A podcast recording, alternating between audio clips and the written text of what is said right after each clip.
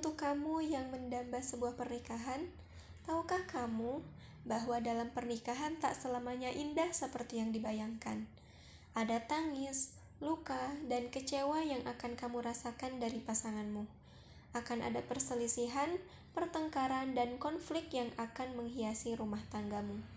Teruntuk kamu yang mendamba seseorang untuk menjadi pasangan, tahukah kamu bahwa menikah tak selalu menyenangkan? Waktumu akan berkurang karena ada seseorang yang harus kamu urus dan penuhi kebutuhannya ada orang yang harus kamu layani dan dengarkan setiap perkataannya. Ya, begitulah pernikahan. Maka, siapkah kamu menghadapi semua itu? Karena kehidupanmu setelah menikah tidak akan lebih mudah. Justru semakin banyak ujian dan rintangan yang akan kamu hadapi. Namun, di situlah letak pahala besar yang bisa kamu panen, asalkan kamu mau bersabar. Lalu apa saja yang harus dipersiapkan untuk menghadapi suka duka pernikahan? Baik, yang pertama ada meluruskan niat. Dari Umar radhiyallahu anhu bahwa Rasulullah shallallahu alaihi wasallam bersabda, amal itu tergantung niatnya dan seseorang hanya mendapatkan sesuai niatnya. Hadis riwayat Bukhari Muslim. Hadis ini tentunya menjadi dalil pentingnya niat dalam setiap amal perbuatan, bahwa niat merupakan fondasi awal suatu amal perbuatan. Awal menentukan akhir, niat menentukan seberapa kuat. Kalau dari awal niat kita menikah bukan karena ibadah, pasti banyak sedih dan kecewanya. Maka, berbahagialah kalian yang mempunyai niat untuk menikah karena ingin beribadah dan mengharap ridho Allah Subhanahu wa taala. Karena Itulah kuncimu agar meraih keberkahan pernikahan. Yang kedua, ada persiapan ilmu tentang pernikahan.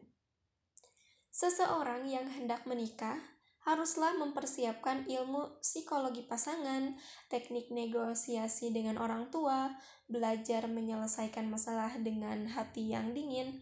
Kalau ada orang yang bawaannya uring-uringan terus dalam hidupnya, itu tanda ilmunya masih belum mumpuni untuk menyelesaikan masalah yang akan datang. Umar bin Abdul Aziz mengatakan bahwa barang siapa yang beribadah kepada Allah tanpa ilmu, maka dia akan membuat banyak kerusakan daripada mendatangkan kebaikan.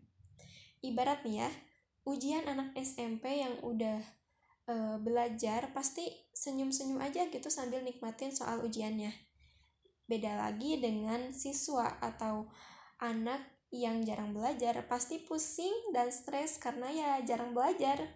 Tapi percayalah, anak SMP gak akan diuji dengan soal anak SMA artinya Allah gak akan menguji di luar kesanggupan hambanya. Yang ketiga ada persiapan mental psikologi menghadapi pernikahan. American Association for Marriage and Family Therapy mengatakan bahwa cara terbaik untuk mempersiapkan mental sebelum pernikahan adalah mengikuti konseling pranikah yang dapat membantu sepasang calon suami istri untuk belajar tentang komunikasi dalam rumah tangga, manajemen konflik, dan belajar mengatasi keadaan ketika tidak sesuai dengan harapan. Mulai berubah Pola pikir juga e, merupakan cara mempersiapkan mental sebelum ke jenjang pernikahan. Pernikahan adalah komitmen untuk tetap bersama selamanya. Coba ubahlah pola pikir yang tadinya berfokus pada aku menjadi kita. Saling memahami pola pikir antar pasangan pun merupakan hal yang penting dalam pernikahan. Lalu, yang keempat ada persiapan ruhiyah atau persiapan spiritual. Sebelum menikah, penting sekali untuk mengetahui tujuan hidup kita terlebih dahulu, mengenai siapa jati diri kita sebenarnya, visi-misi kita sebagai hamba Allah, dan bagaimana suatu pernikahan menjadi pendukung tujuan hidup kita. Sebelum menikah, sudah seharusnya kita meningkatkan kualitas ibadah, baik ibadah wajib maupun ibadah sunnah. Hal ini dilakukan agar kita senantiasa memiliki kebiasaan baik yang konsisten dan juga sebagai bentuk mendekatkan diri kepada Allah Subhanahu wa taala. Namun, jangan sampai kita hanya semangat meningkatkan ibadah sebelum menikah saja, Usahakan selalu konsisten dan membiasakan hal baik bahkan sampai setelah menikah. Dengan begitu, kita akan menjadi lebih dekat kepada Allah dan insya Allah segala hal akan dipermudah termasuk kehidupan pernikahan nantinya. Lalu yang terakhir ada persiapan fisik.